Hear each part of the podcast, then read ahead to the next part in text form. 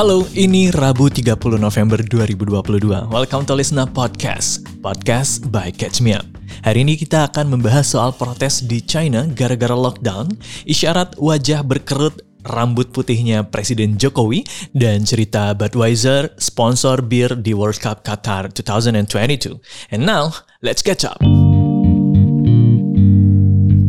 Well, kalau kamu lagi capek dan bosan banget sama COVID, berarti kamu samaan sama masyarakat China, guys. Iya, mereka tuh udah nggak kuat, udah capek, please bosan banget sama kebijakan COVID-19 yang super ketat di sana. Untuk memprotes kebijakan inilah, ribuan warga di seantero China sejak awal minggu ini banyak yang turun ke jalan untuk menentang kebijakan zero COVID policy-nya pemerintah aka Presiden Xi Jinping.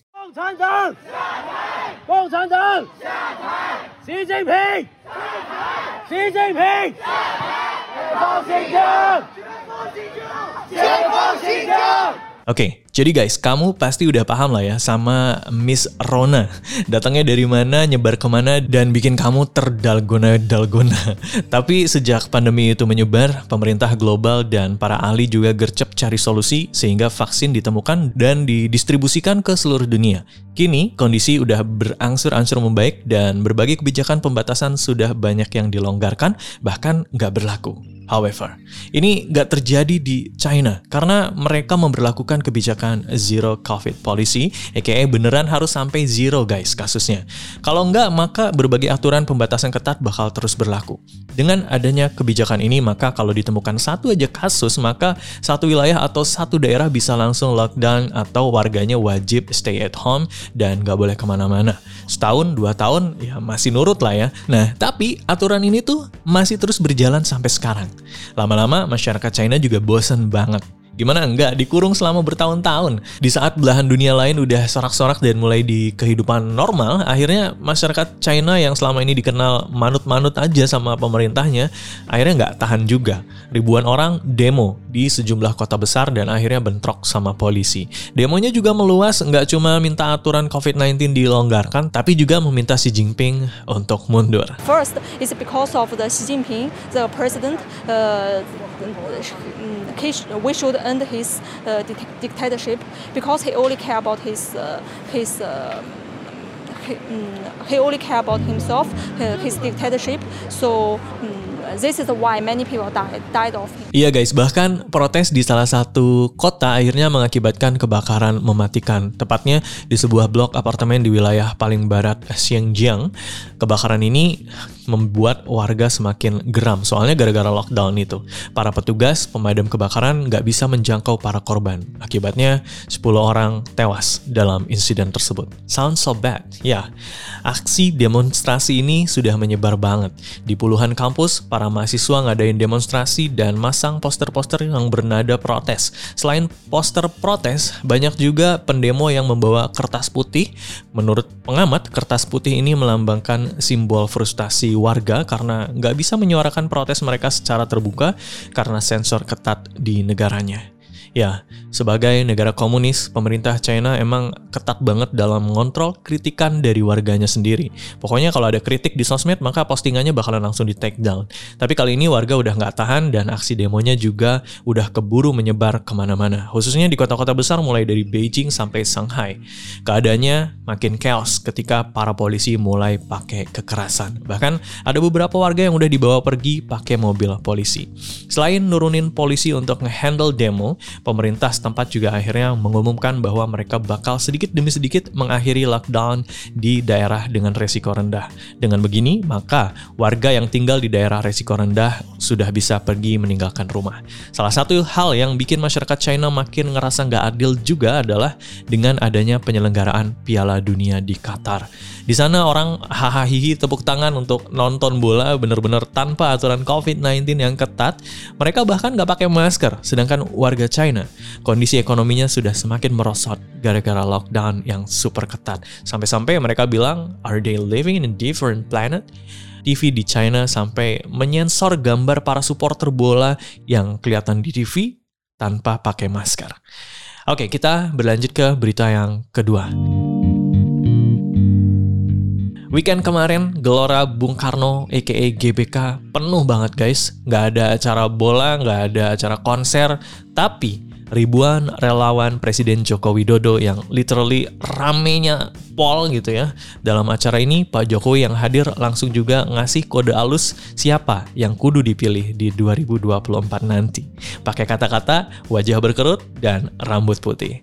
Well, As we all know, masa pendukungnya Presiden Jokowi itu gede banget ya dan tersebar di mana-mana. Nah, menjelang 2024 which is ujung kekuasaan Pak Joko Widodo sebagai presiden, para supportersnya Pak D aka relawan beliau ini udah mengambil ancang-ancang untuk mengambil sikap guys.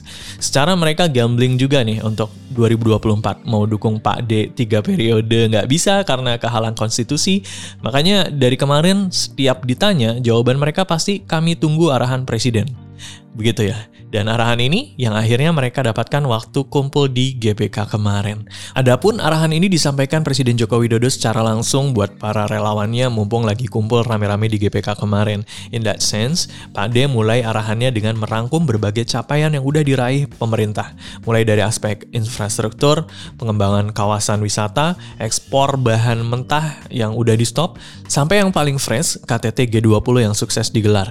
Menurut Pak D, yang udah dikerjain dan dicapai sekarang itu kudu dijaga keberlanjutannya guys. Bukan cuma buat 2024 atau 2029, tapi untuk Indonesia emas 2045 dan seterusnya. Caranya ya milih pemimpin yang bisa make sure keberlanjutan itu. Yap, dalam kesempatannya kemarin, Presiden Jokowi menyebut pemimpin ideal adalah pemimpin yang bisa mengerti perasaan rakyat, yang tahu apa yang dipengen sama yang dibutuhkan rakyat. Bukan yang senengnya duduk-duduk aja di istana yang AC-nya dingin. Gitu. Berkali-kali Pak D menekankan hal itu guys. Terus Pak D juga bilang gini. Carilah, saya ingatkan carilah pemimpin yang seneng dan mau turun ke bawah. Yang mau merasakan keringatnya rakyat. Hmm, semacam mengarah ke satu orang nggak sih? Wait until you hear this. In his words, Presiden Joko Widodo bilangnya, Pemimpin, pemimpin yang mikirin rakyat, itu kelihatan. Dari mukanya itu kelihatan. Dari penampilannya itu kelihatan. Banyak kerutan di wajahnya karena mikirin rakyat. Ada juga, ada juga yang mikirin rakyat sampai rambutnya putih semua, ada. Kata Pak D gitu, lebih jauh Pak D juga bilang begini, kalau wajahnya celing bersih, tidak ada kerutan di wajahnya, hati-hati. Lihat juga rambutnya, Wah, kalau rambutnya putih, semua ini mikirin rakyat ini. Dari sini publik langsung ngehnya ya ke Gubernur Jawa Tengah Ganjar Pranowo. Dari kemarin Mas Ganjar tuh emang udah punya nilai elektoral yang cukup tinggi di kalangan masyarakat untuk maju sebagai calon RI 1. Nah, dengan kode-kode lucu kayak gini, publik menilai Mas Ganjar udah didukung sama Pak D dan hal lain ini bakal semakin menaikkan elektabilitasnya Mas Ganjar, guys. Lebih jauh ada beberapa analisis soal Presiden Jokowi dan Ganjar Ganjar Pranowo ini yang disampaikan oleh Direktur Parameter Politik Indonesia, Adi Prahitno. Well, kalau menurut Mas Adi, ada beberapa alasan kenapa Pak Jokowi ngendorse Ganjar. Pertama, of course, karena sama-sama kader PDI Perjuangan. Terus basisnya pemilih Jokowi itu basically ke Ganjar semua, guys. Jadi banyak relawan Jokowi nanti larinya ke Ganjar juga. Nggak cuma itu, faktor elektabilitas Ganjar Pranowo yang tinggi, ngalahin para top contender lain, itu juga jadi salah satu faktor karena Pak D seems percaya banget sama hasil survei belakangan ini. Tapi kemarin Presiden ngomong gitu juga ke Prabowo kan. Nah, kalau kata pengamat dari The Political Literacy, Muhammad Hanifuddin, pidato Pak Jokowi yang most likely ngarahnya ke Ganjar ini tuh beda guys. Hal ini bisa kelihatan dari diksi yang dipakai dalam pidatonya. Kalau pidato di depan Prabowo kemarin kan Pak D cuma bilangnya saya udah menang pemilu dua kali, mungkin abis ini gilirannya Pak Prabowo. Gitu kan? Nah, kali ini Presiden pakai diksi yang bikin mikir gitu guys. Dan poin itu yang ditekankan berkali-kali sama Pak D. Kerut wajah sampai rambutnya putih buat mikirin rakyat. Dinilai Mas Hanif sebagai kata kunci dukungan Presiden Jokowi terhadap Ganjar Pranowo. So for now, We'll leave it to you menafsirkan kerut wajah sampai rambut putih untuk mikirin rakyat itu siapa ya guys ya. Kalau dari POV-nya partai politik ya nggak cuma Mas Ganjar yang begitu guys. Di PAN misalnya ada mantan Menko Perekonomian Hatta Rajasa dan Menteri Perdagangan Zulkifli Hasan yang juga rambutnya udah putih. Jadi it doesn't have to be Ganjar gitu. Wakil Ketua Umum PAN, Viva Yoga Mauladi juga menyebut pernyataan Presiden kemarin tuh bentuk personifikasi aja kalau pemimpin tuh emang tugas dan tanggung jawabnya berat. The same also goes on P3. Ketua DPP P3 Ahmad Baidowi juga bilangnya rambut putih itu emang natural seiring bertambahnya usia bertambahnya beban, tambah pikiran, nggak muluk-muluk langsung spesifik ke satu orang gitu. Balik lagi ke acaranya, selain arahan Pak D, ada juga deklarasi yang disampaikan relawan Jokowi guys. Dalam deklarasinya, mereka bakal manut sama Jokowi di 2024. Iya, relawan presiden yang tergabung dalam gerakan Nusantara Bersatu mendeklarasikan beberapa hal kemarin. Ada enam poin yang terdapat dalam deklarasi mereka. Mereka komit bakal membentuk barisan kuat mengawal Indonesia emas 2045 dan Indonesia yang maju. Gak cuma itu, mereka juga ngedeklar bakal mengawal Pak Jokowi dalam pembangunan sumber daya manusia Indonesia yang lebih baik. Mereka juga menyatakan siap lahir batin mengawal Presiden Jokowi untuk meratakan pembangunan infrastruktur dan ekonomi di seluruh wilayah Indonesia dari Aceh sampai Papua.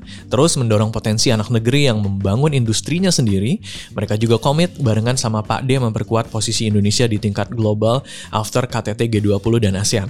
Last but not least, of course, ibu kota negara baru aka IKN. Mereka juga berkomitmen bareng Pak Joko Widodo untuk mewujudkan IKN sebagai peradaban bangsa masa depan, supaya bisa jadi tempat pemerintahan yang bisa menjangkau rakyat lebih dekat dan muter perekonomian lebih cepat. By the way, the fact that para relawan ini kumpulnya di GBK itu ternyata menyita perhatian publik guys.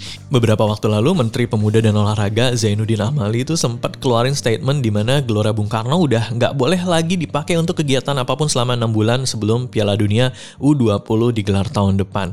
Piala Dunia U20 tuh Mei Juni, berarti November ini harusnya udah nggak boleh. Makanya berbagai konser termasuk konsernya Blackpink yang dari kemarin rame diomongin netizen juga nggak boleh make GBK. But what is this? Gitu loh kalau pemikirannya netizen. Well, kamu tahu kan kalau Piala Dunia Qatar 2022 ini banyak larangan guys, mulai dari larangan atribut LGBT sampai larangan alkohol di stadion. Keputusan terkait larangan alkohol ini lumayan shocking, khususnya untuk para sponsor. Salah satunya ada dari produsen bir Budweiser. Jadi Budweiser ini udah nyetok cukup banyak untuk pagelaran sepak bola terbesar di dunia ini untuk orang-orang yang minum di stadion sambil nonton. Nah, karena nggak boleh jualan, bingung kan tuh mau dikemanain itu alkohol segitu banyak, dipakai mandi juga nggak mungkin kan. Jadi sebagai problem solving, Budweiser bakalan ngirimin produknya yang nggak terjual ke negara pemenang guys. Hal ini legit dikonfirmasi dalam tweet mereka. Wants to bring this celebration for FIFA World Cup stadiums to the winning country's fans. Jadi instead minum-minum di stadion, Budweiser maunya orang-orang minum di negara mereka aja sambil ngerayain kemenangan karena udah menang World Cup guys. Detailnya gimana ntar bakal diumumin lagi kalau udah deket final katanya.